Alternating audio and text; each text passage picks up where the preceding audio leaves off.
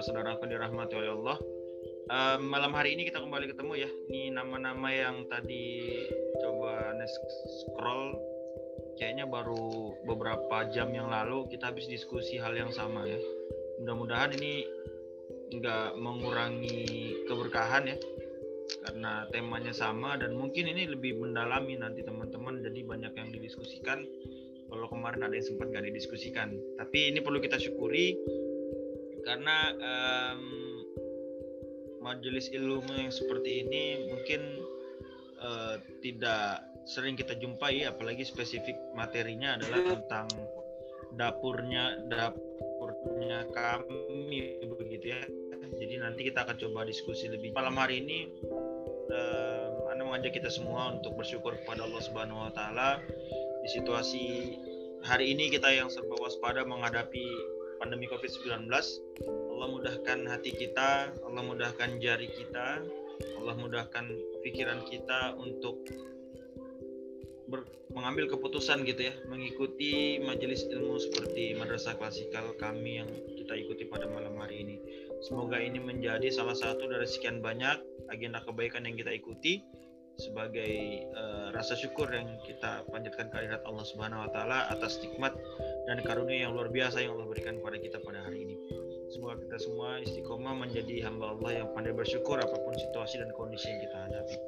Kedua kalinya salawat serta salam semoga tetap tercurahkan ke junjungan kita Nabi besar Nabi Muhammad SAW yang telah memberikan contoh dan teladan bagaimana memulai jalan dakwah, bertahan di atasnya dan juga mewariskan semangat perjuangannya kepada generasi setelahnya bahkan kepada kita pada hari ini.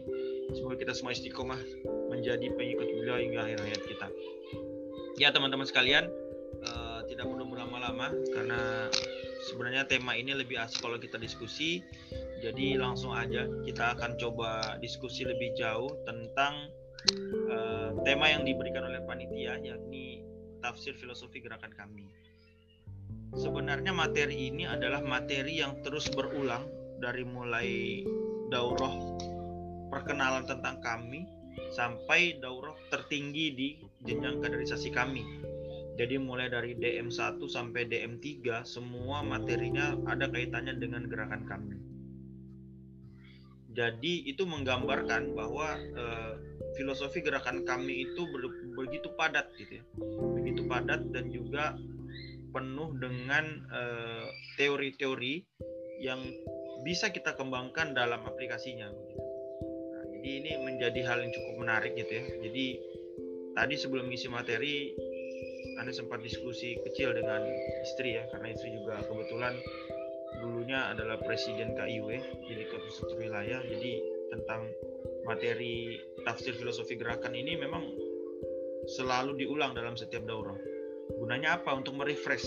Apalagi teman-teman yang baru kemarin lusa kalau nggak salah ya baru ngikutin materi ini. Lalu kemudian hari ini ngikutin lagi. Mudah-mudahan ada yang mungkin kemarin belum jelas bisa diperjelas. Dan kalau memang ada yang jelas atau mungkin ada yang kurang di apa namanya dipahami bisa kita diskusikan lebih dalam dan detail pada kesempatan malam hari ini. Karena levelnya sekarang teman-teman sudah mengikuti fase selanjutnya.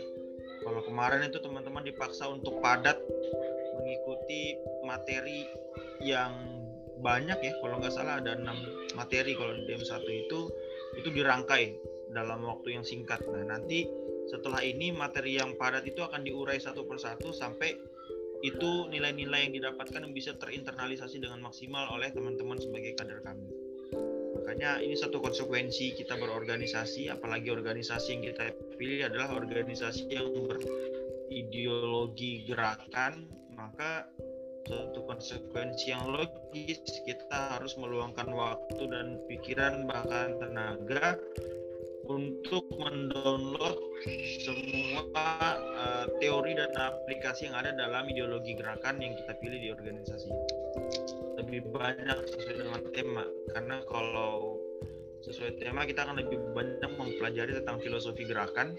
Jadi kita akan fokus ke bagian yang ketiga tapi kemudian satu dan dua ini tetap harus di flashback oleh teman-teman karena dari peserta yang hadir tidak hanya dari alumni SMN M Natsir yang baru kemarin ya, tapi juga ada angkatan senior. Bahkan mungkin belum tersertifikasi. Jadi ini materi ini penting sekali untuk uh, memasuki jenjang kaderisasi selanjutnya. Apalagi kalau teman-teman sudah kadung terlanjur menjadi pejabat kampus tapi belum menyelesaikan jenjang kaderisasi di kami itu sayang sekali Kenapa? Karena teman-teman punya uh, kesempatan memiliki hardware yang canggih adalah software lalu hardwarenya itu adalah lembaga-lembaga yang ada di kampus dan brainware-nya adalah teman-teman selaku eh, pemimpin-pemimpin uh, yang ada di kampus apa pun peran dan posisinya. Dan kita sudah memimpin semua. Nah untuk itu teman-teman yang hari ini sudah menjadi pimpinan kampus di lembaganya masing-masing itu sebenarnya rugi kalau tidak memahami atau tidak memiliki software yang memiliki uh, panduan atau mengoperasikan hardware yang sudah teman-teman miliki sekarang. Itu kenapa kemudian karya yang kita buat di lembaga itu uh, kurang memiliki uh, nilai atau substansi yang padat. Rasa-rasanya sebagian besar dari kita itu terjebak oleh rutinitas dan kemudian uh, mengabaikan aspek kualitas atau sederhananya itu lebih banyak yang penting ada gitu ya yang penting sudah yang penting ada yang penting sudah. Akhirnya apa? Kita menjadi pemimpin yang minimalis. Minimal ada. Minimal sudah ada yang dikerjakan. Akhirnya kita menjadi orang yang minimalis. Padahal eh, tadi sudah dengar sedikit ya tentang video pembacaan kredo bahwa kita ini orang yang bukan minimalis dan loyo gitu kan. Di kredo kita aja udah gitu dijelasin. Makanya kita nggak boleh jadi orang-orang yang sekedar numpang lewat atau mengerjakan amanah itu sekedar formal ke depan makanya software ini harus terus diupgrade di refresh agar kita tahu apa yang harus kita kerjakan ketika kita berorganisasi nah ini materi yang didapatkan di DM1 kemarin ya tentang syahadat, sumuliatul Islam, problematika umat, IPPS ya Islam Pemuda dan Perubahan Sosial dan kami itu sendiri. Materi-materi ini terus berulang ya setiap harinya karena ini materi yang sebenarnya tiap hari kita alami gitu. Kita tiap hari bersyahadat, tiap hari kita menghadapi aspek-aspek kehidupan mulai politik, sosial, pendidikan, kesehatan itu semua berkaitan dengan kesempurnaan Islam. Kemudian masalah-masalah umat kalau kita lihat berita sekarang banyak banget ya mulai dari masalah negara, masalah regional provinsi sampai di kampung-kampung semuanya lengkap. Dan kemudian kita juga mengenal ada yang namanya uh, sebuah instrumen canggih terangkai dalam materi yang keempat yaitu tentang Islam itu sendiri, kemudian tentang komponen penting bernama pemuda yang telah dibuktikan oleh sejarah, baik itu sejarah peradaban dunia maupun sejarah nasional kita di Indonesia, bahkan dalam sejarah Islam sendiri, peran pemuda itu tidak bisa dibantahkan. Sangat penting sekali. Dan dari situlah kemudian kita mengharap adanya perubahan sosial terhadap situasi sulit yang kita hadapi di masa lalu, masa ini dan masa yang akan datang. Dan kita akan memulai itu dengan membahas kami. Kami seperti yang teman-teman ketahui, ini sejarahnya saya tidak terlalu lama di sini karena ini hanya sekedar refresh. Sekarang usianya sudah 20 22 tahun dan jalan 21 ya di tahun depan di tanggal 29 Maret udah 20 23 tahun dia artinya. Kalau sudah umur mahasiswa harusnya dia sudah sarjana atau dia masih e, menambah semesternya gitu. Jadi ini fasenya kita sedang e, mengikuti proses pendewasaan dalam organisasi kami. Nah, sebenarnya kami ini tergolong muda ya kalau dibandingkan dengan saudara-saudara perjuangannya yang lain, kami ini relatif muda bahkan kalau teman-teman melihat uh, proses terbentuknya kami itu nggak bisa dilepaskan dari uh, aktivitas dakwah karena yang menggagas adanya lembaga kami ini adalah para aktivis dakwah kampus yang tergabung dalam forum silaturahmi lembaga dakwah kampus. Hanya saja kemudian kenapa dia tidak menggunakan LDK saja untuk mengawal isu-isu sosial politik yang saat itu sedang memanas di era 98 era Orde Baru dan itu menggambarkan bahwa penyikapan itu nggak boleh uh, reaksioner gitu, nggak boleh reaktif gitu. Jadi perlu uh, wawasan, perlu pemikiran, perlu ketajaman visi tentang masa depan sehingga kemudian dicetuskanlah sebuah gerakan bernama kami. Karena apa? Karena LDK atau yang di Unmul itu kita kenal dengan Pusdima atau LDF itu tidak boleh terlalu banyak terlibat di dalam agenda pusaran politik praktis dalam hal ini yang terus bertentangan dengan kebijakan-kebijakan politik baik itu di tingkat uh, uh, universitas, tingkat fakultas, bahkan tingkat nasional. Oleh sebab itu diperlukan satu gerakan. Eh, ada ada keresahan yang ditangkap di sini bahwa teman-teman yang hari ini uh, dalam situasi berproses untuk menjadi orang yang soleh itu juga sadar bahwa dia tidak boleh hanya membuat dirinya menjadi soleh, tapi juga lingkungannya juga. Jadi kesolehan atau keimanan yang kita miliki itu sebenarnya linear dengan upaya kita untuk beramar ma'ruf dan bernahi mungkar. Itulah yang dicetuskan atau yang dituliskan Allah dalam Quran surah Al Imran ayat 110. Kita itu menjadi umat yang terbaik ketika kita melakukan tiga hal. Nah, ya tiga yang pertama itu kita beriman, ya. Yang pertama kita amar ma'ruf, yang kedua nahi mungkar, dan yang ketiga beriman kepada Allah. Jadi itu syaratnya kalau kita pengen menjadi umat yang terbaik. Jadi kalau realitanya hari ini umat Islam belum menjadi yang terbaik, berarti dari tiga variabel itu ada yang ditinggalkan. Entah yang mana teman-teman bisa uh, melihat sendiri situasinya.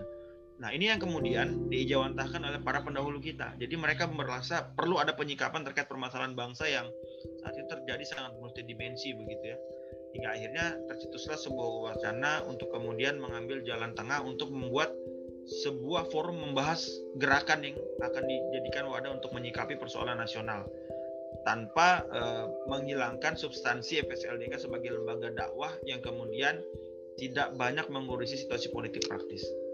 Akhirnya eh, ada keputusan untuk membuat tim formatur yang tugasnya adalah untuk membahas dan memformulasikan bentuknya apa respon dari LDK terhadap krisis nasional yang terjadi dan akhirnya disebutlah uh, kesepakatan itu bernama Kesatuan Aksi Masa Muslim Indonesia yaitu kami. Nah, dalam uh, prosesnya kami setelah 29 Maret itu dideklarasikan dengan diketuai oleh Bang Fahri Hamzah dan sekretarisnya Bang Hari Setioko itu belum hitungan dua pekan dari 29 Maret ke 10 April itu hanya hitungan beberapa hari begitu ya satu pekan sekian hari itu kemudian langsung menggelar demonstrasi besar Tajuknya Rapat Umum Mahasiswa dan Rakyat. Itu di lapangan Masjid Al Azhar di Jakarta dan itu hadirannya 20 ribu orang. Dan situasi itu terjadi di era Orde Baru. Pernah dengar ya istilah Orde Baru itu gimana represifnya, kemudian uh, sulitnya untuk berekspresi, apalagi ekspresinya di bidang politik itu sangat sulit. Tapi kami dalam hitungan hari itu mampu menghadirkan sebuah agenda besar masanya juga sangat heterogen dari berbagai kalangan dan agendanya berjalan dengan tertib dan aman. Ini menggambarkan bahwa kami ini bukan organisasi yang biasa-biasa aja. Ini organisasi yang bukan sembarangan. Makanya bergeningnya itu sampai sekarang masih dikenal sebagai anak kandung reformasi. Nah, jadi itu salah satu kebanggaan sekaligus beban dan tantangan bagi kita sebagai orang yang menyandang kader kami. Malu rasanya kita kalau kita melihat ada suatu peristiwa-peristiwa yang membahayakan demokrasi dan kemudian mengancam cita-cita reformasi lalu kami tidak terlibat di situ. Tidak ada bendera kami. Kalaupun ada bendera kaminya yang nyebarin bukan kader kami gitu ya nah ini satu hal yang perlu kita nah ya uh, kami itu mampu kemudian suaranya agak anu ya mentul aja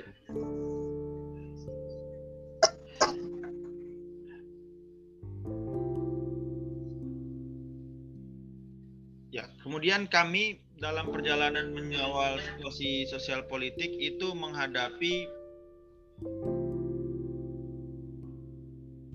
cek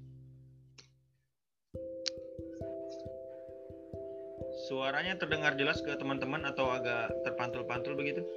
Jelas kok, Kak. Jelas bang. Jelas bang. Jelas ya. Di tempat saya agak terpantul-pantul tadi di awal. Oke kita lanjut ya. Jadi dalam proses perjalanannya kami ini memiliki banyak manuver politik gitu ya. Jadi dia dalam perjalanan aksi itu tidak tidak hanya sekedar demonstrasi lalu selesai, tapi kemudian e, memiliki manuver-manuver cantik begitu atau strategi yang apik untuk kemudian me menyampaikan substansi tuntutan aksi gitu. Dan yang paling jelas adalah kami mampu menempatkan diri sebagai bagian dari solusi, part of solution. Jadi bukan bagian dari masalah. Ini yang kemudian harus kita ingat di zaman sekarang bahwa dalam geraknya kami itu selalu mengambil sikap yang tegas menjadi bagian dari solusi, bukan jadi bagian dari masalah. Jadi ketika kita ingin menyelesaikan masalah, yang kita tampilkan adalah solusinya. Bukan justru ingin menyelesaikan masalah dengan menabrakkan masalah baru. Kita pengen sesuatu yang sifatnya itu intelektual, tapi kemudian kita dibenturkan dengan aspirasi dari koalisi besar yang kemudian memaksa kita untuk memaklumi adanya upaya-upaya anarkis yang kemudian itu bisa mencoreng aksi demonstrasi yang kita rencanakan sejak awal. Nah ini menjadi tantangan gitu. Gimana kemudian kita meng, me, apa namanya bisa mengolah aspirasi-aspirasi yang ada dalam koalisi itu menjadi lebih banyak manfaatnya daripada mudaratnya. Nah ini menjadi yang menarik untuk kita lihat di, di era sekarang. Yang bahkan ketika puncaknya reformasi ketika Orde Baru itu tumbang atau Bung uh, Soeharto itu turun, uh, itu kemudian membuat bahwa kami itu makin punya bargaining power gitu. Termasuk idenya mencetuskan reformasi karena di gerakan-gerakan lain itu idenya langsung revolusi. Itu yang kemudian menarik kalau kita mau baca sejarah reformasi 98. Nah, dan akhirnya sekarang kami udah dikenal sebagai organisasi besar, memimpin kampus-kampus besar dan kemudian disegani, tapi kemudian uh, ini kita perlu evaluasi. Apakah kemudian kami ini besar di rumahnya sendiri ataukah dia ini besar tapi nggak bisa juga memberikan dampak yang besar? Atau ada manfaat lain yang bisa kita jelaskan dalam diskusi kali ini? Kita akan bahas nanti. Ini gambaran potret uh, terjadinya peristiwa reformasi di 98 nah terus gimana geraknya kami kita mulai masuk ke materi inti tentang filosofi gerakan kami jadi teman-teman sekalian, Kesatuan Aksi Mahasiswa Muslim Indonesia ini adalah software yang memiliki beragam aplikasi. Dan aplikasi ini nggak bisa secara seketika membuat teman-teman selaku usernya itu tiba-tiba jadi orang hebat. Jadi ada stigma ya yang berkembang di kancah perpolitikan kampus. Bincang-bincang politik kampus menjelang pemira itu selalu menarik kalau kita dengarkan bahkan ada situasi yang membuat eh, orang-orang itu berpikiran seperti ini. Jadi kalau mau jadi presiden mahasiswa harus ikut ikut kami dulu atau minimal ikut LDF dulu. Nah, jadi itu seolah-olah diaminkan oleh teman-teman yang kemudian ketika dekat-dekat pemira baru ikut DM1 setelah ikut DM1 tidak melanjutkan jenjang kaderisasinya lalu dia memimpin BEM dengan kesibukannya akhirnya ke kami cuma numpang nama doang cuma numpang DM1 doang. Akhirnya dia cuma numpang install tapi kemudian nggak dipakai juga ini kaminya. Akhirnya dia cuma bangga pakai laptop gitu kan atau PC hardware yang dia punya dia pakai BEM ibarat pakai komputer tapi dia sudah punya ada game. Misalnya kita kalau ngomongin game ada Football Manager ada Dota misalnya atau mungkin ada uh, yang lain-lain yang canggih-canggih gitu ya tapi kemudian kita memilih hanya main Spider Solitaire gitu dan itu udah bangga banget nih aku bisa main Spider Solitaire kalau anak-anak dulu nggak ada yang tahu ya gimana legendnya permainan Spider Solitaire itu. Nah yang jelas itu yang terjadi gambarannya kita bangga dengan hanya karena kita menjadi seorang pimpinan pejabat kampus. Padahal peran itu tidak berarti apa-apa kalau kita tidak memberikan dampak apa-apa kepada orang sekitar kita. Itu menjadi penting. Padahal ada yang lebih substantif dari sekedar jabatan yang kita pegang. Apa solusi yang kita tawarkan? Kalau misalnya kita memimpin, lalu kemudian justru yang kita tampilkan di depan orang-orang yang kita pimpin adalah sebuah penderitaan, sebuah beban yang seolah-olah diberikan secara tiba-tiba ke pundak kita, lalu kita menjadi orang yang tiba-tiba melankolis, meminta iba begitu dari orang-orang kita pimpin, akhirnya kita menjadi orang yang tampaknya terpaksa. Walaupun memang dalam kaidah amanah itu kita tidak meminta dan tidak boleh menolak, tapi posisi kita di memaknai hadis yang diriwayatkan oleh uh, sahabat melalui sabda Rasulullah itu bukan berarti kita membenarkan posisi kita untuk menerima beban dengan pasrah. Ada ikhtiar di sana, ada akselerasi di sana. Inilah yang ditunjang oleh kami agar kadernya itu siap menjadi pemimpin dengan akselerasi. Karena nggak mungkin kita bisa mewarisi 100% pembelajaran teoritis tentang kami itu.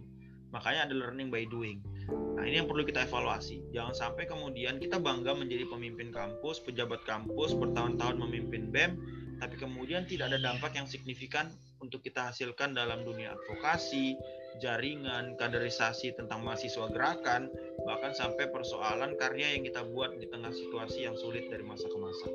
Kita akan beda satu-satu. Apa yang kemudian membuat kami itu masih bisa bertahan di tengah situasi yang sulit? Yang pertama, kami itu asasnya Islam. Asas itu adalah dasar fondasi yang paling bawah dari setiap bangunan yang kita mau bangun ke depan. Nah, nah di kami kita mempunyai dasar yang komplit dalam Islam itu sendiri, dalam syariat Islam. Sehingga kita tidak perlu mengkhawatirkan uh, bagian mana, kemudian sektor apa yang kita pilih untuk berkarya. Karena dalam Islam semuanya jelas gitu ya. Tapi kalau misalnya hari ini nih kita sedang dibentur-benturkan, seolah-olah kalau kita seorang Muslim kita nggak bisa kemudian berpancasila. Dan kalau kita mau mengamalkan Pancasila, mengamalkan kebinekaan tunggal ika, kita juga harus toleran dengan nilai-nilai Islam yang kemudian mulai dikendurkan sedikit demi sedikit. Nah, ini menjadi hal yang menarik perdebatan dalam beberapa tahun belakangan. Nah, dalam situasi ini kami itu berasaskan Islam dan Pancasila yang hari ini kita dengung-dengungkan, kita dengarkan berulang kali bahkan sampai ada badan khusus yang harus uh, menjaga ideologi Pancasila ini, justru malah kita melihat bahwa substansi yang terkandung dalam Pancasila itu secara gamblang sudah tercantum di dalam Islam. Jadi tidak ada yang perlu dikhawatirkan ya antara kami dan Pancasila itu sudah selesai. Justru malah dengan kita berasaskan Islam itu lebih membuat kita lebih menjadi sosok yang mencintai bangsa Indonesia karena apa? Karena tagline kami kan Muslim negarawan. Tidak mungkin dia menjadi seorang Muslim tanpa menjadi seorang negarawan. Itu konsekuensi logis menjadi kader kami. Nah, jadi dalam menjalankan situasi ini, kemudian kita mengutamakan ukhuwah Islamiyah. Jadi kita bisa membangun rasa persaudaraan kepada utamanya saudara-saudara kita yang Muslim, kepada saudara-saudara kita yang tidak beragama Islam. Tetap kita memiliki kewajiban untuk menjalin muamalah dan itu syariatnya jelas dalam Islam. Ya ini tentang asas. Jadi mudah-mudahan ini clear gitu. Jadi teman-teman nggak ada yang ragu. Jadi kalau misalnya masih ada kader kami ragu tentang perdebatan ideologi negara ini harus yang diklirkan karena dalam per, dalam uh, proses DM1 sampai DM2 dan DM3 selalu ada ini penajaman tentang hal ini. Bedanya adalah output dari setiap daurah itu disesuaikan dengan levelisasi masing-masing. Jadi kalau setelah DM1 aplikasinya nggak langsung di tengah-tengah masyarakat secara gamblang tapi lebih ke aplikasi di internal kampus, aplikasi di sekitar uh, fungsi lembaga organisasi kampus, dan itu diukur melalui uh, eh, IJDK, Indeks Jati Diri Kader, yang kemudian itu nanti diukur secara bertahap. Bagaimana tentang syahadatain yang kemarin disampaikan, tentang simulator Islam dan seterusnya, itu menjadi yang di, dijadikan fondasi awal. Itu kenapa kami nggak langsung ngajarin anak-anak itu uh, menjadi orang yang tiba-tiba pandai orator, tiba-tiba menjadi orang yang ahli di bidang spesifik tapi yang dijadikan dasar ketika kita gabung di kami adalah akidah kita tentang syahadat kita, tentang keislaman kita. Makanya asas itu menjadi yang paling penting.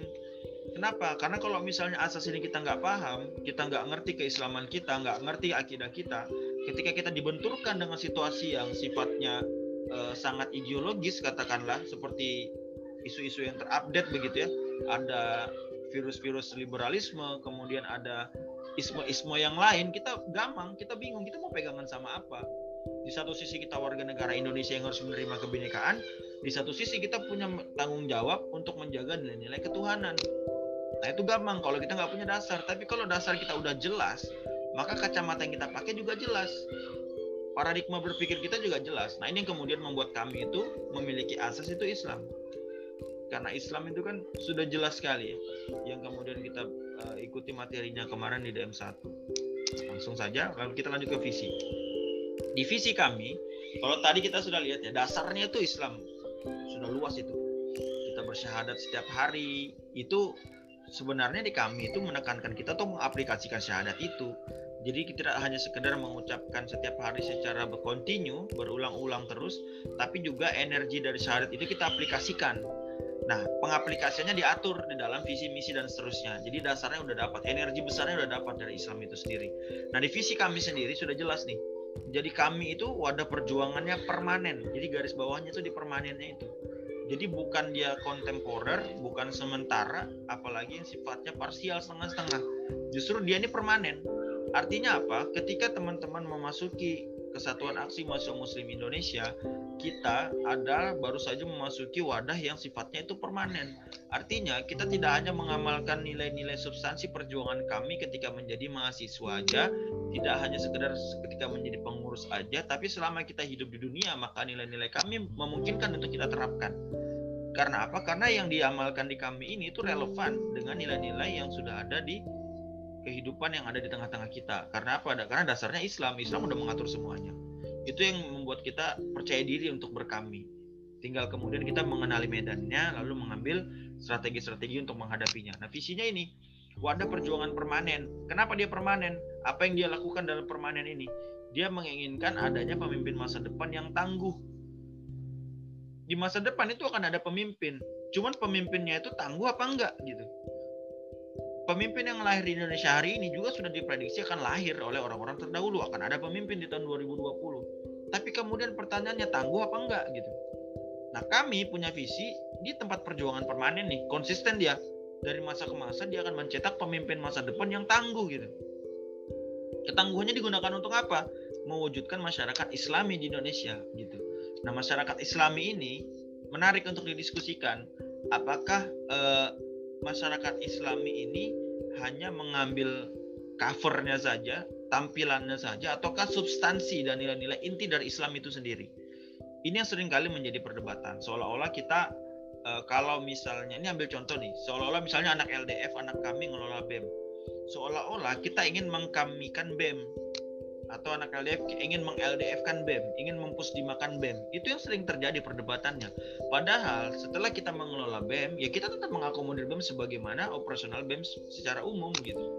Bahkan kita berani secara objektif, apple to apple, silakan dibandingkan kepemimpinan kami dan kepemimpinan organisasi selain kami dalam menjalankan BEM. Kita berani diadu secara indikator, silakan dibuat, kita siap untuk dinilai dan dievaluasi. Nah, itu kalau memang berbicara yang ideal. Nah, itu itu juga dengan tujuan masyarakat Islami di Indonesia. Ini yang kemudian harus kita pahami bahwa mewujudkan masyarakat Islami Indonesia itu tidak harus membuat semua masyarakat Indonesia itu terpaksa atau dipaksa memeluk Islam secara cover gitu kan. Ini yang kemudian disempat isukan waktu uh, pilkada kemarin itu di NTT begitu ya tempat lahir Ana gitu. Itu gubernurnya bilang dalam pidatonya itu terekam viral gitu bahkan waktu itu sempat diproses tapi kemudian entah kenapa nggak berjalan prosesnya beliau mengatakan nanti kalau misalnya ini yang menang misalnya partai Islam yang menang misalnya dalam konteks politik nasional saat itu dia bilang maka kita semua tidak boleh lagi ke gereja. Kita semua dipaksa untuk bersyahadat dan seterusnya itu yang disampaikan. Padahal itu tidak seperti itu pada sejujurnya. Karena dalam sejarah sendiri bagaimana kemudian kita mendengar sejarah Nabi Muhammad SAW ketika memimpin tidak kemudian memaksakan Islam itu secara apa namanya uh, secara terpaksa oleh para pemeluknya. Bahkan ketika uh, Muhammad Al-Fatih membebaskan Konstantinopel itu kemudian melihat ketika ada saudara-saudara kita yang belum memeluk Islam dia tidak dipaksakan. Tapi dipersilakan memeluk agamanya masing-masing dan tetap dijaga oleh kepemimpinan Islam. Nah ini ini substansi yang penting. Jadi jangan sampai teman-teman ini anak kami memimpin BEM, memimpin HMJ, memimpin UKM atau memimpin organisasi komunitas apa pun itu dengan mengkamikan dia, tapi kita mengamalkan substansi yang akan kita bawa di situ. Apa substansinya? Nanti kita akan bahas setelah visi ini. Gitu ya. Jadi ini gambaran yang harus clear supaya teman-teman punya arah gitu. Kalau kita jadi supir ya, kalian jadi BEM, jadi presiden BEM, jadi ketua UKM, jadi kepala departemen, kalian itu supir itu ada penumpang di belakang tuh. Kalau kalian jadi supir nggak tahu mau ke mana, ya kita akan ngabisin waktu, ngabisin bensin, tapi nggak sampai-sampai. Tapi kalau kalian sudah jelas mau ke mana tujuannya, tahu jalannya gimana, berapa waktu untuk mencapai ke sana, hadangan apa yang akan mungkin kita hadapi, maka itu akan membuat penumpang kita teman, eh, penumpang kita itu tenang dan bisa mencapai tujuan dengan tepat waktu dan selamat tentunya. Nah ini tentang visi, jadi penting sekali visi ini. Makanya jangan sembarangan kalau bikin visi misi dalam organisasi gitu ya bukan sekedar sekedar keindahan redaksi cocok logi rima di akhirnya itu sama tapi ada substansi yang ingin diperjuangkan dan yang paling penting itu menjadi keresahan bersama. Nah ini misi kami. Jadi ini tidak perlu anda detailkan tapi substansi dari misi yang ada lima ini adalah proses pembinaan proses pemberdayaan proses peningkatan kualitas, kemudian ada peningkatan kepeloporan tentang kami itu sendiri dan juga tentang peningkatan solidaritas antar elemen. Jadi kami itu menyebar gitu, nggak boleh dia hanya bangga di rumahnya sendiri. Justru malah kita akan semakin kerdil kalau misalnya kita merasa besar di rumah kita sendiri justru tempat kita berdebat itu bukan dengan tempat dengan saudara-saudara kita. Boleh kita berdebat dalam suatu syuro, situasi rapat. Tapi debat yang sesungguhnya itu kita bisa keluarkan di wadah konsolidasi, wadah-wadah ketika audiensi, ketika kita berhadapan dengan orang-orang yang perbedaan ideologinya itu ada. Mumpung lagi di kampus, maksimalkan forum-forum seperti itu. Itu kenapa dulu Anda merindukan forum-forum seperti itu karena di situ akan terlihat kita akan semakin terasa. Karena apa? Karena ada gesekan pemikiran di sana Nah, semakin banyak kita menemukan benturan-benturan pemikiran dan gagasan, semakin kokoh gagasan yang akan kita punya, semakin tajam narasi yang kita punya. Jadi kalau misalnya kita mengaku punya narasi, tapi sibuk dengan organisasi sendiri, sibuk dengan narasi pribadi sendiri, ya kita belum teruji gitu. Nah ini penting, makanya misi ini adalah turunan dari visi yang kita buat. Jangan sampai visi sama misi ini nggak connect ya jadi ini penting nah jadi kalau kita pengen menjayakan Indonesia 2045 lewat tadi lewat uh, kami yang punya visi wadah perjuangan permanen yang pengen menciptakan pemimpin tangguh di masa depan dan menjadikan Indonesia ini masyarakat Islami kita harus melakukan proses pembinaan proses pemberdayaan proses peningkatan kapasitas proses kepeloporan dan juga proses peningkatan solidaritas antar jaringan elemen yang ada. Nah ini ngomongin misi. Nah, lalu prinsip gerakannya apa aja? Nah ini. Tadi kan kita udah bilang tuh, kalau kita pengen uh, mengamalkan substansi dari kami lihat, kalau tadi udah ngerti asasnya kami itu apa, kalau asasnya kami Islam, maka ketika kita berorganisasi, uh, kita gabung di BEM, UKM, HMJ, maka Islamnya jangan ditanggalin. Walaupun kita pakai PDH kami, pakai jasnya kami, tapi kita nggak mengamalkan nilai-nilai Islam, maka lunturlah nilai kekamian kita. Karena asasnya kami itu Islam. Apa sih Islam? Syariatnya jelas, sholat, sholat lima waktu begitu ya kemudian ada puasa zakat dan seterusnya itu rukun Islam tapi kemudian syariat Islam yang lain banyak bagaimana kita berinteraksi bagaimana kita bertutur kata bagaimana kita menjaga pandangan dan seterusnya itu menjadi hal yang substansi dalam Islam dan kami itu sendiri nah prinsip gerakan kami ini ada enam ini kalau teman-teman uh, butuh narasi tentang kepemimpinan, nah silakan baca filosofi gerakan kami yang kita akan bahas malam hari ini jadi nggak perlu kita apa namanya jauh-jauh sebenarnya untuk mencari substansi perjuangan kita. Adapun redaksi ya redaksi visi misi itu hanya untuk memperindah kalimat saja, penyesuaian zaman dan sebagainya. Tapi nggak boleh kehilangan substansi. Nah anehnya semakin ke sini kadang-kadang kita semakin memperindah redaksi suatu program tapi substansinya terabaikan. Nah ini pentingnya. Jadi jangan sampai kita uh, berlomba-lomba memperias wajah tapi kemudian kehilangan substansi yang sesungguhnya apa keimanan dan ketakwaan kita. Kurang lebih seperti itu dengan gambaran program kerja yang kita alami di organisasi. Nah, prinsip gerakan kami yang pertama adalah perjuangan kita di kami itu jiwanya adalah kemenangan Islam. Jadi kita ingin memenangkan Islam sebagaimana perjuangan atau spirit perjuangan Rasulullah dan para sahabatnya dulu yang ingin menegakkan Islam. La ilaha illallah Muhammad Rasulullah. Berikut dengan turunannya bagaimana kemudian ketika uh, umat Islam itu memiliki amanah dalam kepemimpinan. Jiwa perjuangannya di situ. Kemudian standing posisi kita sebagai kami itu jelas. Selalu head to head face a face head to head dengan yang namanya kebatilan.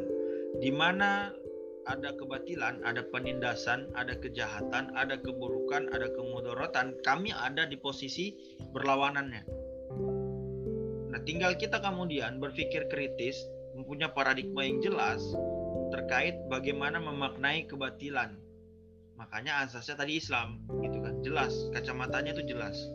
Jangan sampai justru malah kita bingung bagaimana memaknai kebatilan ini ini batil apa enggak nih gitu kan makanya ini menjadi hal yang penting. Karena kalau kita udah bisa membedakan hak dan yang batil maka kita jelas mengambil posisi sebagai orang yang meng, uh, memusuhi kebatilan itu sendiri.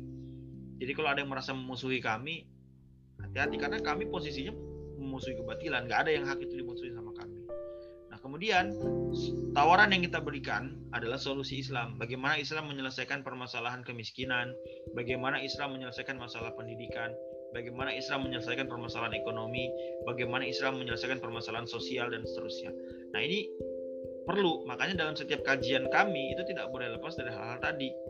Ada permasalahan politik, ada permasalahan kaderisasi, ada permasalahan pendidikan, permasalahan perikanan dan seterusnya itu menjadi hal yang perlu kita telaah secara kritis karena banyak sekali disiplin ilmu yang bisa kita tarik benang merahnya dengan Islam itu sendiri. Lalu kemudian perjuangan kami itu punya tradisi, punya tribe dia, dia punya budaya. Jadi kami itu berjuang budayanya adalah memperbaiki perbaikan. Jadi kita terlalu abstrak kalau menuliskan perubahan. Karena perubahan itu belum tentu selalu mengarah kepada perbaikan. Menjadi ke arah lebih buruk itu juga perubahan. Makanya konkretnya kami itu adalah perbaikan gitu, maintenance. Jadi yang kurang baik menjadi baik, yang buruk menjadi baik, yang sudah baik menjadi lebih baik lagi. Nah, itu tradisi perjuangan kami. Nah, kemudian ini yang juga paling sering kelihatan uh, yang sering ngomongin di kampus, kenapa sih ketua BIM-nya kami, ketua DPM-nya kami, ketua KPPR-nya kami, ketua Panwasnya kami, kandidat pasangan calon kami juga. Ini kok kami semua yang lain pada kemanaan nih? Nah kalau kita lihat itu, kalau kita lihat itu, kenapa fenomenanya kok kami semua? Silakan dilihat organisasi yang lain mana, mau masuk apa enggak gitu kan? Kalau lihat DPM DPM itu open recruitment sekarang, sistem delegasi pula, ya kan? Kemudian pasangan calon juga dibuka untuk umum KPPR juga dibuka kok delegasinya. Panwas juga seperti itu. Bahkan ada pengawas independen dan seterusnya. Tapi kenapa nggak ada kepemimpinan lain yang kemudian hadir untuk bisa berkontestasi dengan kami? Selalu pertarungannya adalah tentang uh, delegitimasi gitu. Seolah-olah ini tidak konstitusional dan seterusnya. Nah ini menjadi dilema tersendiri. Apakah kemudian kami ini tidak mampu membangun jaringan komunikasi politik dengan lembaga lain, ataukah kemudian lembaga lain yang mengalami degradasi kaderisasi?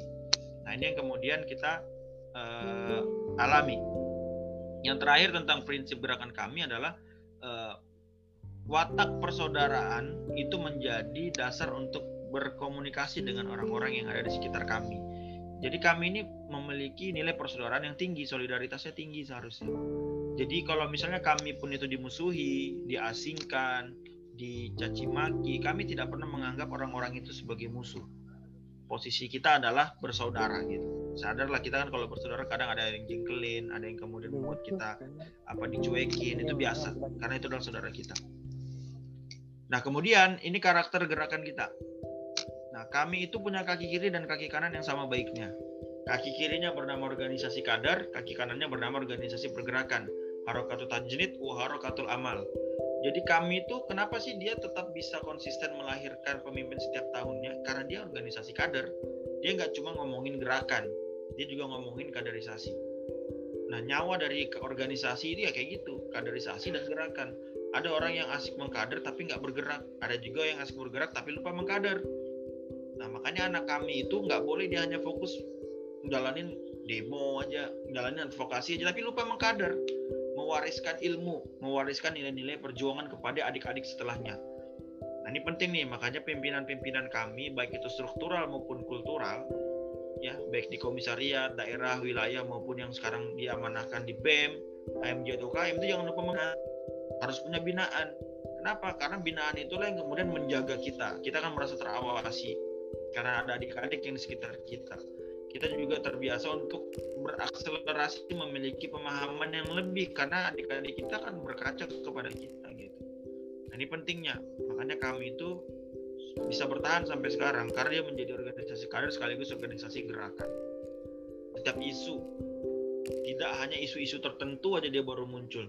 Semua isu kebangsaan, isu-isu yang berkaitan dengan kemaslahatan kami selalu terlibat baik itu kadernya secara struktural di Komsat PD maupun PW juga kultural yang ada di BEM Insya Allah kami selalu hadir. Sejauh yang anda amati sampai sekarang kami selalu hadir. Tingkat eh, daerah sampai tingkat pusat kami selalu bersikap. Tinggal kita aja nih mau nggak menggunakan kacamata objektif menilai ini. Kenapa? Karena kami punya kaki dua ini. Jadi kalau dia bisa mengkadar dia juga pasti bisa bergerak gitu juga sebaliknya Nah, para ini paradigma gerakan ya, ini yang Anda ucapkan setiap ketika ngisi materi ini poin ini yang membuat Anda kemudian yakin memilih kami. Karena organisasi lain itu memiliki hanya satu dan itu berat dengan menjalankan satu fungsi. Kami itu punya semuanya tuh. Ini menggambarkan bahwa kami ini memang didesain, dibentuk untuk menjadi wadah perjuangan permanen tadi. Jadi semua orang yang punya uh, substansi dan passion yang beda-beda itu bisa bergabung di kami sesuai dengan minat dan bakatnya masing-masing. Ada gerakan dakwah tauhid bagi orang-orang yang suka berdakwah amar ma'ruf, ayo gabung di sini. Ini anak-anak LDF, LDK, Pusdima cocok nih di sini. Kemudian ada juga ada juga substansi paradigma yang berkaitan dengan intelektual profetik. Ini orang-orang yang punya wawasan keilmuan, yang punya budaya riset, yang terbiasa untuk menjadi orang-orang yang uh, berdialektika dalam keilmuan profesionalismenya masing-masing. Ini cocok Terus ada juga yang gerakan sosial independen, gerakan-gerakan filantropi, gerakan-gerakan sosial kemasyarakatan. Ini orang-orang yang sekarang uh, apa ya lagi ngetren gitu ya, gerakan-gerakan filantropi itu diminati banget sama generasi milenial. Juga dipunyai oleh kami. Dulu kami itu selalu identik uh, kalau dulu namanya KRC ya, kami kami reaksi cepat. Sekarang namanya Rumah Kami Peduli. Jadi kalau setiap ada kebakaran, ada bencana apa, kami terdepan itu untuk terjun ke lapangan. Baik itu galang dana, baik pun yang namanya uh, terapi trauma gitu anda lupa istilahnya apa awat-awat itu biasanya langsung turun tuh untuk anak-anak yang lagi di pengungsian dibantu untuk tidak trauma dengan situasi bencana yang mereka alami. Itu dulu sering sekali sampai sekarang bahkan. Dan kemudian yang paling umum kelihatan demonstrasi politik ekstraparlamenter. Nah jadi paradigma kita harus clear nih kami itu nggak cuma tukang demo tapi dia juga organisasi dakwah dia juga organisasi keilmuan, dia juga adalah organisasi kerelawanan. Nah ini semua ada. Makanya teman-teman yang nggak bisa demo ya pilih yang lain, ya. Tapi kalau misalnya ada kesempatan demo ya silakan juga dicoba. Gitu juga teman-teman yang suka demo, jangan cuma demo doang, ikut juga dakwah, ikut juga wawasan keilmuan, ikut juga kerelawanan. Nah ini kemudian membuat kami itu bisa lebih komplit, lebih kompatibel dengan kebutuhan masyarakat yang ada di tengah kita, baik di kampus maupun masyarakat yang ada di luar kampus. Ini yang kenapa dulu anak jatuh cinta dengan kami. Nah, kita langsung aja uh, ke unsur perjuangan, kita langsung ke bagian yang paramida. Jadi dalam perjuangan penyusunan unsur perjuangan dari dalam form ini bahasanya ini ya, formasinya kami lah. Jadi kami itu punya formasi dan dia punya eh, strategi-strategi dalam menyusun formasi jadi yang paling dasar ada namanya basis uh, sosial atau bina al qaidah al istimaiyah kayak sekarang nih teman-teman ada yang ikut ada pra SMN, ada ikut uh, daurah daurah marhala satu itu masih menjadi yang paling bawah nih, paling dasar. Nanti prosesnya itu akan bertahap. Masih menjadi uh, bagian yang terikat dengan kami, tapi belum mendapatkan secara tugas secara khusus. Nanti setelah teman-teman memasuki fase ini kan sudah masuk nih setelah DM1 kemarin, sekarang sudah masuk ke madrasah klasikal 1 nanti ada namanya madrasah klasikal khos atau MK khos semacam mentoring di kami. Dari situ nanti mulai ada penugasan-penugasan. Ada mantuba, manhaj tugas baca itu nanti ada buku yang teman-teman diminta untuk membaca nanti dibedah, didiskusikan. Nah itu baru nanti naik akan ada namanya basis operasional. Teman-teman mulai diberikan kesempatan untuk berkarya di amanah di kami baik itu secara struktural maupun secara kultural. Struktural berarti masuk di dalam kepengurusan kami baik itu komsat daerah maupun wilayah. Kultural teman-teman diamanahkan untuk mengelola organisasi di internal kampus. Mau di BEM, DPM, HMJ, UKM nah nanti teman-teman bisa termasuk menjadi orang-orang yang menjalankan basis operasional. Baik itu uh, secara terpisah gitu ya ada yang fokus di kultural aja ada yang fokus di struktural aja tapi ada yang bisa paralel. Ada yang bisa menjalankan kultural sekaligus struktural. Tapi ada juga yang nggak bisa dua-duanya. Nah yang nggak bisa dua-duanya ini mau ngapain di kami? Ya kan? Nah ini yang menjadi pertanyaan. Kalau lagi berserius berkami ya ikutin ini. Nah proses ini itu nggak akan dilihat dalam jangka pendek. Jangka panjangnya kita akan saksikan itu 2-5 tahun baru bisa kita rasa. Ini loh manfaatnya kemarin kita berkami. Nanti anda jelasin di akhir. Nah setelah teman-teman memasuki basis penugasan tadi baru nanti akan naik levelnya. Nanti mulai teman-teman masuk dalam basis konsep bagaimana kemudian membangun gerakan kami di bidangnya masing-masing itu kenapa? Kita punya tahapan, ada daurah marhala satu. Setelah itu nanti DM1 teman-teman ada disertifikasi, baru nanti menjadi AB1. Untuk menjadi uh, peserta dari daurah marhala 2, teman-teman akan kembali di sertifikasi. Sesuai nggak dengan eh, tahapan-tahapan persiapan menuju DM2? Selesai nggak tahapan tentang akidahnya tadi, masalah syahadatain? Atau ternyata selama berkami masih percaya dengan zodiak, masih percaya dengan dukun paranormal, Nah ini ini nggak lolos tuh pasti ke DM2. Kenapa? Karena nggak nggak selesai masalah akidahnya, masalah syahadatnya nggak selesai. Masih nggak masih ragu dengan Islam itu nggak akan naik ke DM2. Nah ketika sudah selesai di DM2 pun nanti akan ada lagi proses mantuba lagi di DM2. Nanti ada sertifikasi lagi. Akhirnya nanti baru lolos masuk ke ada tahapan namanya training for instructor. Ada yang namanya DPMK, TFI untuk instruktur, DPMK untuk pemandu, commander instruktur untuk panitia penyelenggara daurah ya. Jadi kalau teman-teman ikut DM1 kemarin itu ada tuh selain orang-orang yang secara panitia teknis menyediakan konsumsi, menyediakan transportasi dan penginapan kalau misalnya nggak online ya. Kalau yang online mungkin yang menyediakan uh, seperti perangkat online yang lain. Tapi ada juga panitia yang bertindak sebagai observer yang menilai kita. Ini banyak kalian kalian nggak tahu nih, yang sifatnya itu nggak kelihatan. Ini kok kayaknya banyak banget panitianya, padahal uh, ada yang belum kita tahu. Nah itu nanti basis konsep tuh teman-teman mulai di konsep bagaimana memperhatikan kondisi teman-teman yang sedang mengikuti daurah. Apakah dia fokus atau enggak? Makanya ada ice breaking dan seterusnya. Nah commander atau pemandu dia yang menjadi mentor. Dia bagaimana membentuk kepribadian adik-adiknya yang di kami untuk bisa dijadikan penerus perjuangan ya melanjutkan nilai-nilai perjuangan. Nah itu basis konsep. Nah terakhir ada basis kebijakan. Bina al al-Siyasiyah ini baru di daurah marhala 3. Kalian menjadi ideolog orang-orang yang udah memiliki ideologi yang paten tentang kami. Jadi siap memang udah siap terjun ke masyarakat. Makanya di AB3 itu nggak ada lagi yang sifatnya ke internal kampus, dia langsung ke masyarakat. Makanya semakin cepat kita menyelesaikan jenjang kaderisasi itu kan semakin bagus. Kalau kalian sudah menyelesaikan DM3 dan menjadi presma misalnya di Universitas Mula Warman itu udah selesai urusan BMKM. Udah udah bisa lebih banyak berbuat gitu. Karena rata-rata sekarang kita kalau menjadi presma paling banyak ya itu paling AB2 atau AB1 atau bahkan AB2 ketika dia jadi presma baru proses jadi AB2. Nah, itu yang jadi masalah kita. Akhirnya software kami ini nggak pernah maksimal, selalu e, nanggung gitu. Akhirnya bingung mau ke mana dan seterusnya. Tapi kalau ini kita sudah selesaikan, maka perjuangan kita lebih mudah. Karena kita tahu siapa yang bisa kita maksimalkan secara solidaritas, siapa yang menjalankan tugas operasional, siapa yang membangun konsep, dan juga bagaimana kebijakan yang kita bangun dalam gerakan kami kredo tadi udah dibaca banyak banget lah. Tapi substansinya yang saya sampaikan adalah saya ulang juga bahwa substansi dari kredo di paragraf pertama adalah kemerdekaan kita sebagai seorang individu. Tolong dipahami bahwa bedakan kemerdekaan secara individu dan kemerdekaan secara organisasi. Secara individu kita dipastikan merdeka tapi secara organisasi kita punya mekanisme. Nggak ada organisasi yang tidak punya aturan. Kalau ada organisasi tidak punya aturan, berarti dia tidak punya tujuan. Kita mau main bola aja ada aturannya dua kali 45 menit, nggak boleh main bola pakai tangan kalau dia bukan kiper. Kiper pun yang boleh pakai tangan ada kotaknya. Terus nggak boleh main kasar, nggak boleh kakinya setinggi dada dan seterusnya. Itu aturan-aturan. Nah gitu juga dalam organisasi. Kalau misalnya kita pengen jadi manusia merdeka secara individu itu diakui ya bahkan Islam mengakui itu tidak ada paksa. Bahkan dalam berislam pun tidak ada paksaan dalam Al-Quran. Nah di dalam organisasi lain urusan. Dalam organisasi kita punya mekanisme. Ada namanya syuro ada musyawarah ada rapat. Secara BEM pun itu ada rapat teknis ada rapat panitia ada rapat panitia inti ada rapat SC ada rapat umum ada rapat teknis bersama peserta. Itu ada semua rapatnya. Gitu juga dengan organisasi. Jadi jangan dibentur-benturkan kemerdekaan secara individu dan kemerdekaan sebagai anggota organisasi. Semua ada aturannya. Jadi lucu kalau misalnya ada orang yang merasa dirinya ini eh, kan kami katanya orang yang merdeka, tapi kok nggak bisa merdeka dari keputusan yang tidak diketahui. Nah ini persoalan berarti di mekanisme suroknya yang tidak maksimal.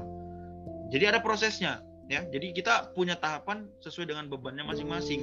Nggak mungkin teman-teman digabung di kami baru awal itu langsung disuruh mikirin yang berat-berat kita punya takarannya masing-masing. Dan kita punya aturan kita punya prinsip siapa memegang apa siapa bertanggung jawab atas apa. Tugas kita tinggal mau percaya itu. Karena itu yang kemudian bisa kita lihat secara proses. Kita ngalamin itu kok. Nah jadi poinnya di kredo yang pertama adalah teman-teman itu tidak dilarang untuk berpikir secara merdeka. Semuanya bisa ya. Bertindaknya pun atas dasar pemahaman bukan taklid nggak ikut-ikutan karena keikhlasan bukan karena pujian dan kedudukan. Jadi kita berkami ya, mungkin sebagian masih ada yang terpaksa karena kak ini karena kak itu, tapi sekarang silakan diluruskan. Dasar pemahamannya jelas gitu. Ya. Kenapa kita perlu menjayakan Indonesia 2045? Kenapa kita perlu menjadikan Islam sebagai asas kita? Kenapa kita perlu menjadikan prinsip-prinsip gerakan kita seperti tadi? Dan seterusnya dan seterusnya. Itu harus ada dasar pemahaman yang kuat. Sehingga kemerdekaan kita itu ada tujuannya. Gak cuma sekadar merdeka, tapi kemudian tidak menghasilkan apa-apa Ya ini kredo yang pertama. Lalu kredo yang kedua adalah kita menjadi orang yang pemberani, tidak takut, tidak pengecut gitu. Kalau misalnya ada resiko kita berani ambil. Tapi keberanian itu hanya semata-mata karena Allah Subhanahu wa taala, bukan tiba-tiba keberanian yang sifatnya membabi buta. ya jadi semuanya orientasinya adalah keridhaan Allah Subhanahu wa taala. Nah, kemudian kami ini siap bertarung, siap head to head dengan siapa pun. Tentunya dengan e, mekanisme yang sudah berlaku secara undang-undang maupun secara organisasi. Kita siap beradu gagasan, kita siap berkontestasi dalam event politik apa pun, mau pemira, mau sidang umum, mau rapat antar lembaga, kita berani. Jadi nggak ada itu anak kami yang setiap konsolidasi menghindar, lari dan seterusnya. Ini ini presiden buruk kalau ada kader kami yang seperti itu.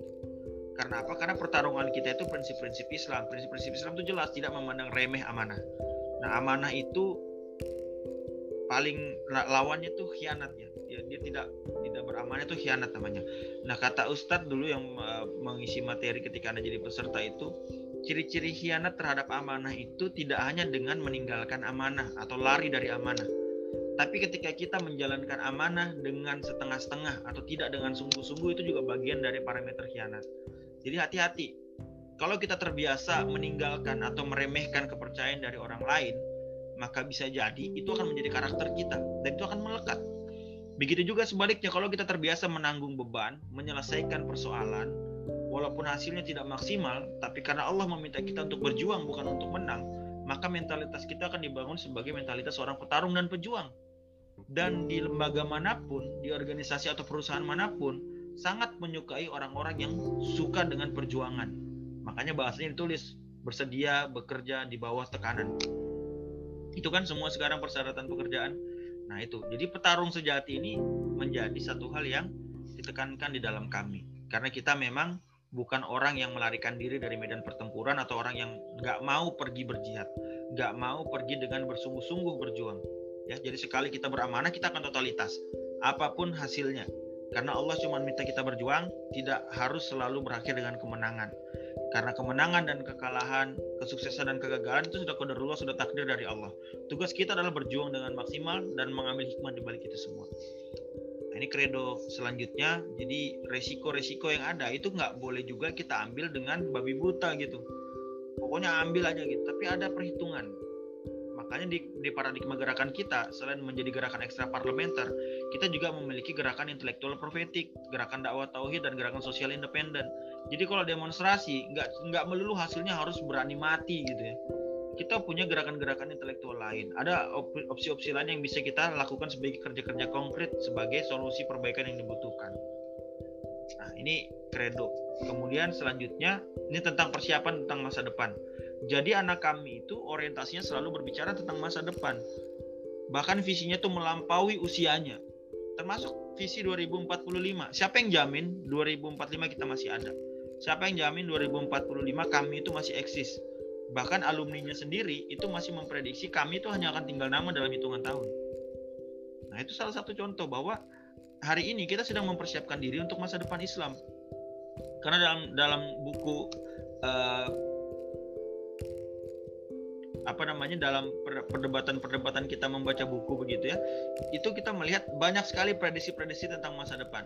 Termasuk uh, sebuah keniscayaan bahwa Islam ini akan kemudian uh, jatuh ke tangan Islam gitu ya. kepemimpinan dunia ini akan kembali kepada Islam. Di buku fikih tamkin itu buku wajib yang dibaca ketika masuk ke DM3 dari marhalah 3 di situ kelihatan tuh tahapan-tahapan bagaimana Islam mencapai kejayaannya syarat-syarat kejayaan kemenangan Islam untuk mendapatkan apa namanya kepemimpinan itu seperti apa. Nah, Islam itu pasti akan berjaya. Cuman kita ini nanam saham apa dalam kemenangan Islam itu? Apakah cukup menjadi penonton? Kalau penonton nggak banyak tuh nilai saham perjuangannya. Makanya kita harus mempersiapkan diri untuk kemenangan Islam sekecil apa pun itu. Nah, ini kredo selanjutnya ini banyak nih. Justru yang paling akhir inilah teman-teman harus banyak membaca. Kalau bisa yang paling akhir ini yang ditempel di mana pun yang teman-teman mulai mudah melihatnya. Karena di sini terlihat bahwa di, berkami itu nggak bisa sendirian dan nggak boleh sendirian. Karena banyak sekali unsur-unsurnya. Ada seorang ilmuwan ada orang yang kritis ada yang ada seorang politisi ada kemudian seorang pejuang yang mau berjuang di siang dan malam hari ada seorang pemimpin ada orang yang konservatif membicarakan prinsip untuk mentransformasikan masyarakat ada guru ada sahabat ada relawan ada warga yang mau berkumpul di tengah-tengah masyarakat, ada manajer, ada panglima, ada prajurit, ada diplomat, ada kemudian orang-orang yang mampu memaparkan semangatnya yang berkobar tinggi di tengah orang-orang yang pesimis. Ini kredonya kami nih. Dasar-dasarnya kami itu bisa bertahan dan bisa eksis beberapa waktu ini dan sampai yang akan datang ini kayak gini. Ya, jadi ini kredo yang teman-teman tidak boleh hanya sekedar dibaca dan dilafalkan, tapi juga benar-benar dimaknai. Jadi kalau mau nyari visi organisasi, tagline, baca aja kredo kami, banyak banget kok. Nah, terus mau ke mana nih kaminya nih? Ini singkat tadi kita akan diskusi. Jadi dari filosofi gerakan kami tadi ya mulai dari asasnya Islam visi sebagai perjuangan permanen misi tentang pembinaan pemberdayaan dan seterusnya prinsip yang tadi ada enam kemudian karakter yang kiri kaki kiri kaki kanan kemudian paradigmanya tadi ada empat ya yang dakwah tauhid sampai ekstra parlementer terus unsur perjuangannya mulai dari basis sosial sampai basis kebijakan dan kredo yang terakhir ini adalah bangunan-bangunan yang kemudian melahirkan kader kami Kami di internal kampus dikenal sebagai orang-orang yang siap menjadi pemimpin karena kami adalah laboratorium pemimpin. Nah, jadi kalau sudah siap menjadi pemimpin ya ini masalah-masalahnya nih. Ya, jadi peta politik itu menjadi mudah kita baca dan kemudian dari politik itu kita bisa membaca fenomena dan akhirnya kita bisa berkumpul mencari solusi di rumah inspirasi di mana di kami ada masalah yang tidak selesai di FEB kita bisa diskusi dengan FKIP ada yang tidak selesai di FKIP kita bisa diskusi dengan Faperta bisa berdiskusi dengan masalah perikanan dan seterusnya itu masalahnya sama semua sebenarnya kalau masalah internal kampus ini ini aja sebenarnya nih masalah UKT, keamanan, kebijakan kampus, fasilitas dan seterusnya. Masalahnya ulang-ulang aja. Tinggal kita mau belajar nggak dengan sejarah, mau nggak kita berbuat yang baru, daya juang kita sejauh apa. Nah terus masalah di eksternal kampus, teman-teman harus menjadi lokomotif gagasan dan gerakan. Ini SOP uh, advokasi di kami nanti bisa dibaca. Bukunya ada di Secret PW teman-teman bisa baca ada buku khusus SOP ada buku tentang rekam jejak narasi di tahun tahun sebelumnya. Jadi intinya teman-teman di kader kami itu harus punya sikap yang jelas. Komunikasinya lugas dan narasinya bernas. Jangan sampai kita ini nggak punya tiga-tiganya nih. Sikapnya nggak jelas kalau ada isu komunikasinya mampet narasinya nggak pernah kelihatan. Nah ini bukan kami banget kami itu jelas sikapnya. Mau dia dibully mau diapain sikapnya jelas. Karena dasarnya jelas argumentasinya asasnya apa paradigmanya sudah jelas. Kemudian komunikasinya bisa berjalan dengan siapa pun mau secara horizontal maupun vertikal kita bisa. Narasi kita juga jelas teruji. Nah pasca kampus kita dituntut untuk memberikan karya dan karya kita itu bisa di mana aja. Bisa di komunitas baik di dunia profesional maupun sebagai influencer ini bisa dilihat profesional itu banyak banget. Ada yang di akuntan pendidik wartawan tokoh publik dan seterusnya. Kalau di komunitas ada komunitas eh, literasi komunitas sosial pemberdayaan kesenian media dan lain sebagainya. Nah kalau influencer teman-teman sekarang punya media sosial maksimalkan untuk konten kreator penulis public speaker maupun motivator. Teman-teman perlu masuk ke ranah ini. Kenapa? Karena kita perlu ada alternatif perjuangan selain demonstrasi yang kita lakukan di jalanan. Nah jadi filosofi filosofi gerakan ini yang akan membentuk kita sebagai seorang muslim negarawan. Nah, kembali ke kami, sebagaimana tagline yang dilakukan oleh teman-teman Komsat di tahun ini, harus memiliki tiga indikator ini. Kenapa? Pertama harus bangga. Kita kalau kenal kami itu gimana, kita tahu isi-isinya kami gimana, maka kita akan bangga. Kita tahu track record kader kami itu bukan orang yang sembarangan dia punya karya, dia punya reputasi, dia punya hasil gerakan yang bisa dipertanggungjawabkan. Dari kebanggaan itu, kita akan berusaha menjaga kami karena tahu ini barang bagus nih kalau nggak dijaga, sayang banget kalau nggak kepake, nggak bisa lagi kita pakai di masa yang akan datang. Gimana cara menjaganya dengan berkarya? Karyanya di mana tadi bisa dipilih. Kalau kalian lebih passionnya berdakwah ya ikutlah di gerakan dakwah tauhid di LDF. Kalau kalian passionnya ilmuwan, gabunglah di HMJ, di UKM keilmuan, kesenian kalau kalian passionnya di sosial gabunglah di organisasi kerelawanan. Kalau misalnya kalian passionnya di kajian diskusi perdebatan gabunglah di eksekutif dan seterusnya ini karya intinya. Dan Indonesia membutuhkan kita dan Indonesia sekali lagi membutuhkan muslim negarawan. Dan hari ini pemuda adalah teman-teman. Kalau kita mau bangkit kita mau berubah kita mau menjadi orang yang kokoh harus mulai dari teman-teman sebagai seorang pemuda. Kita harus kembali ke kami. Saya kembalikan ke moderator. Assalamualaikum warahmatullahi wabarakatuh